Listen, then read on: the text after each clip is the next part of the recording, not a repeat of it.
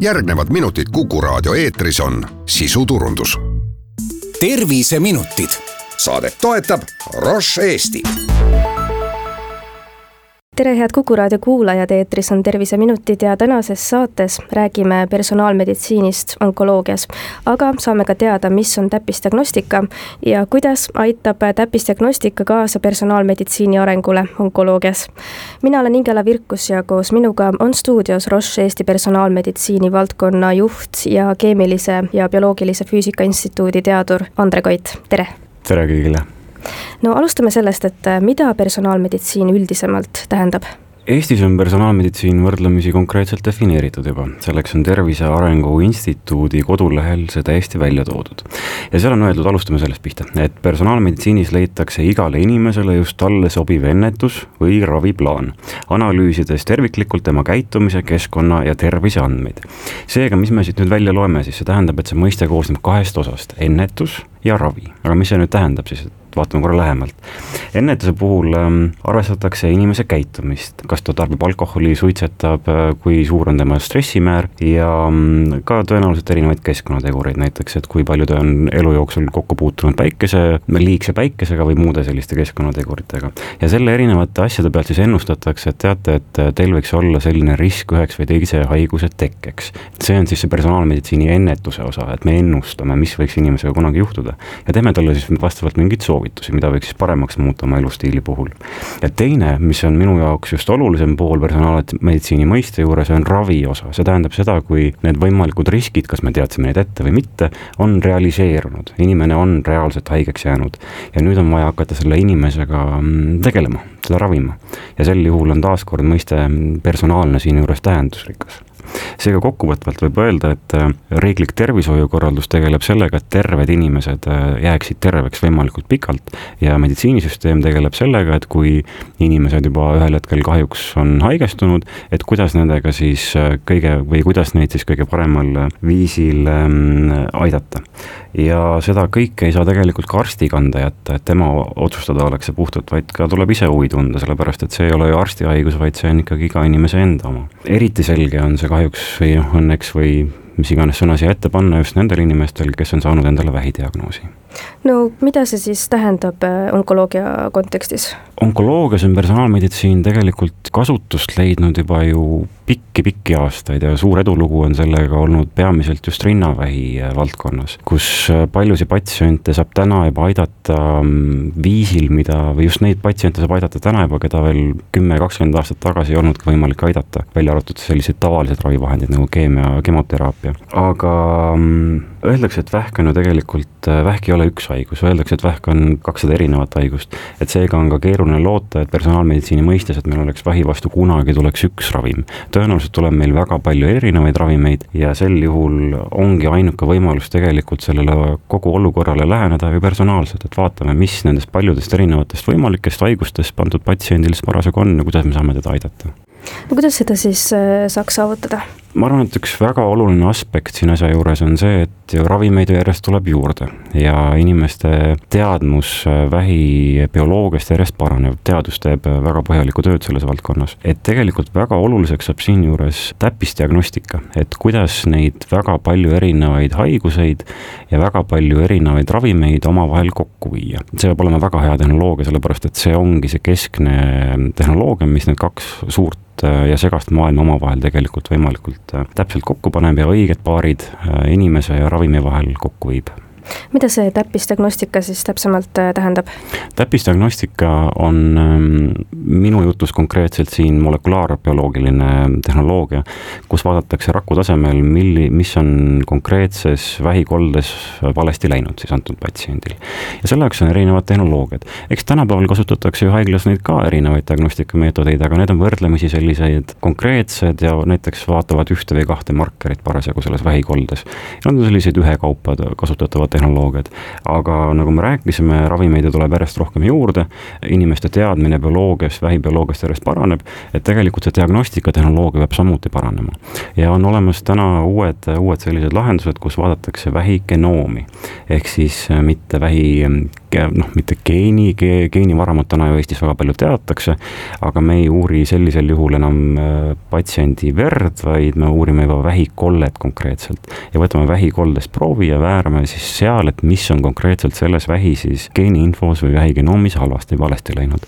ja sel juhul meil on võimalik vaadata tegelikult juba väga palju erinevaid markereid, et mitte enam üks, kaks, kolm, neli ükshaaval, vaid meil on võimalik vaadata näiteks sada kuni viissada erinevat vähigeeni ühe ja sama testiga hiljutises ühes rahvusvahelises avaliku teadlikkuse uuringus selgus, et täppisdiagnostika teadlikkus on vähene ja näiteks ainult üks kolmandik küsib siis haigestumise korral arstilt testi kohta lähemalt. miks on oluline, et patsient selle kohta rohkem teaks ja ise selle kohta küsida oskaks?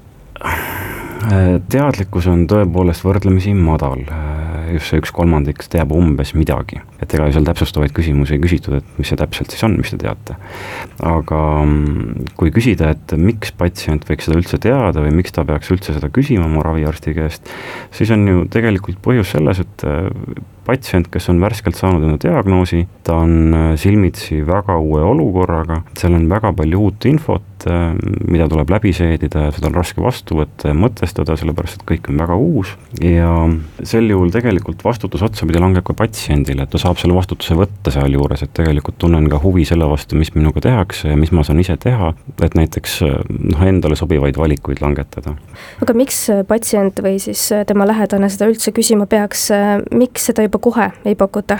seal on äh, mitmeid põhjuseid. üks suur põhjus, miks täna seda Eestis on arstidel raske pakkuda patsientidele, on fakt, et need uue põlvkonna testid ei ole kahjuks täna veel tasuta.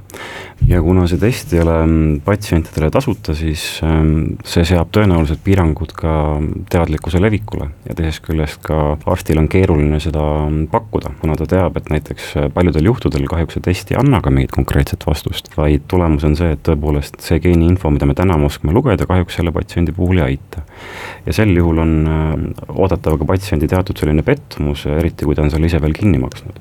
seega on mõistetav, miks on arstil seda dialoogi võrdlemisi raske alustada aga kes peaksid oskama seda küsida? Te ütlesite ka, et kõigi puhul see ei pruugi üldse midagi andagi see on bioloogiline teadmatus, see ei ole testi puudulikkus, vaid see on lihtsalt üldine bioloogiline teadmatus, me ei oska seda veel piisavalt hästi lugeda. aga see, need kohad, mis me genoomis oskame välja lugeda, seal me teame väga konkreetseid vastuseid. aga täna me teame, et on olemas palju selliseid vähipatsiente, kelle tervis on tegelikult võrdlemisi hea, nad oleks valmis veel ravivalikuid proovima, aga tänased äh, võimalused kliinilises praktikas on justkui otsa saanud. sellised inimesed võiksid olla need, kellel on äh, hea võimalus saada veel täiendavat infot, et kas nende vähis on läinud või kas nende vähis esineb selliseid muutuseid, mida me ei otsi, osanud täna veel sealt otsida, aga äkki me nüüd selle uue testiga sealt leiame ja äkki meil on võimalik parandada selle patsiendi elukvaliteeti ja äkki ka suurel hulgal elupäevi juurde anda? Muidugi võib öelda, et ideaalses olukorras tahaks sedasama testi teha kõikidele vähipatsientidele juba nende raviteekonna alguses. Ja tahaks loota, et see on ka lähitulevik, aga kahjuks täna ta veel sealmaal ei ole no Eestis viidi sarnane uuring teadlikkuse osas läbi, millised seal tulemused olid ja kas need üllatasid kuidagi teid? tõepoolest, me küsitlesime, me küsitleti tuhandet inimest, mis on võrdlemisi suur hulk inimesi. Ja mis me saime sealt teada, on see, et kokkupuude vähiga on võrdlemisi levinud, viiskümmend seitse protsenti ehk siis suurusjärk viissada seitsekümmend inimest nendest tuhandest on oma lähikonnas vähiga kokku puutunud, see siis tähendab, et kas nendel endal on diagnoositud vähk, kas nende pereliikmel või siis ähm, sõbral on näiteks diagnoositud vähk aga kui me räägime vähigenoomi testide teadlikkusest, siis see oli sisuliselt olematu. kõigest kaks protsenti vastanutest teadis, mis võiks olla umbes vähigenoomi test ja miks seda kasutatakse ja miks sellest üldse on mõtet rääkida no vähi korral kasutatakse erinevaid äh, teste, mille poolest need äh, geneetilised testid siis äh, teineteisest erinevad? vähi korral tõepoolest kasutatakse täna haiglates juba väga erinevaid selliseid ähm, lihtsamaid ja väga konkreetseid teste, kus näiteks on teada, et kopsuvähis otsitakse sellist kolme-nelja enim, enam levinud geneetilist muutust ja seda otsitakse siis ühekaupa. et vaadatakse, kas üks on olnud, kui ei ole, siis uuritakse järgmist, kui teist ka ei ole, siis uuritakse võib-olla ka kolmandat. Ja siis on võib-olla ka veel mõned sellised natuke laiemad võimalused, aga tegelikult see, miks genoomitest või vähigenoomitest siin juhul oluline on, nagu enne sai ka mainitud, on, me uurime mitte ühte-kahte konkreetset geneetilist markerit, vaid me uurime tegelikult olenevalt testist kuni viitesadat erinevat geneetilist markerit, mis võib anda tegelikult väga palju laiema pildi sellest, mis selle patsiendi vähikoldes ja vähirakkudes tegelikult toimub me enne natukene mainisime geenivaramut, et nemad ju teevad ka kõva tööd, et üle Eesti inimeste geeniinfot saada ja selle läbi siis personaliseeritud meditsiini rohkem panustada. mille poolest äh, siis geenivaramu kogutavad geenitestid ja vähi korral kasutatavad geenitestid erinevad? see toob meie jutu tagasi algusesse, kus me rääkisime personaalmeditsiini definitsioonist, mis koosnes siis ennetusest ja ravist. geenivaramu projekt on teadusprojekt kes, äh, mis, mille käigus äh, üritavad siis teadlased aru saada, et kas me oskame geeniinfo puhul ja siis sellise keskkonnategurite puhul teha neid ennustusi. ja öelda, et kas ühele või teise inimesega võiks midagi tulevikus juhtuda, et äkki me oskame talle siis soovitada midagi. seega nemad tegelevad konkreetselt tervete inimestega peamiselt. meie räägime hetkel siin vähigenoomi testist, mis tähendab, et need on need inimesed, kes on juba haigestunud ja nende puhul ennustusel enam kohta ei ole, vaid seal on vaja juba väga konkreetseid ähm, vastuseid. ja seal on ka teadusel väga oluline osa, aga kliinikus seda teadust noh, ka see teadus ei ole nii oluline, kuivõrd oleks juba konkreetne toode, konkreetne küsimus, konkreetne vastus vajalik. seega selle, me tegeleme sama mõistega, see võib olla eksitav ja oluline siinjuures just vahet teha, et sõnad on ju sarnased, aga tegelikult sisu on totaalselt erinev et äh, vähigenoomi test tegeleb haigete inimestele konkreetsete vastuste mm, saamisega. No kui see genoomitest on tehtud, äh, mis siis edasi saab? genoomitest äh, võib anda vastuse, äh, milline ravi võiks sellele patsiendile sobida, täppisravi siis tähendab selline ravi, mis on suunatudki konkreetselt geneetilise muutuse vastu. see ei ole immuunravi, millest täna palju räägitakse, immunoloogiline ravi või see ei ole ka keemiaravi, vaid need on sellised konkreetsed ravimid, mis on suunatud konkreetse geneetilise vea või muutuse vastu siis. aga kas küsida või küsida seda või mõelda seda, et kas see test annab vastuse kõigile patsientidele, et kõik patsiendid saavad endale mingi info, et mis ravi neile sobida võiks, siis vastus on kahjuks ei sellepärast et nagu me enne mainisime, et tegelikult meie teadmised bioloogiast alles arenevad. et nii palju patsiente, kui me oskame aru saada, nii palju patsientidele me selle vastuse ju ka anname. aga tõepoolest, kahjuks on ka mingi osa patsiente, kes sealt mingit sellist konkreetset ravivastust või ravisoovitust ei saa. aga tegelikult see on väga oluline informatsioon ja võib suunata väga konkreetselt tegelikult edasist raviplaani suur aitäh kuulamast, mina olen Ingela Virkus ja koos minuga oli stuudios Roche Eesti personaalmeditsiini valdkonna juht ning keemilise ja bioloogilise füüsika ja instituudi teadur Andre Koit. aitäh teile saatesse tulemast! aitäh!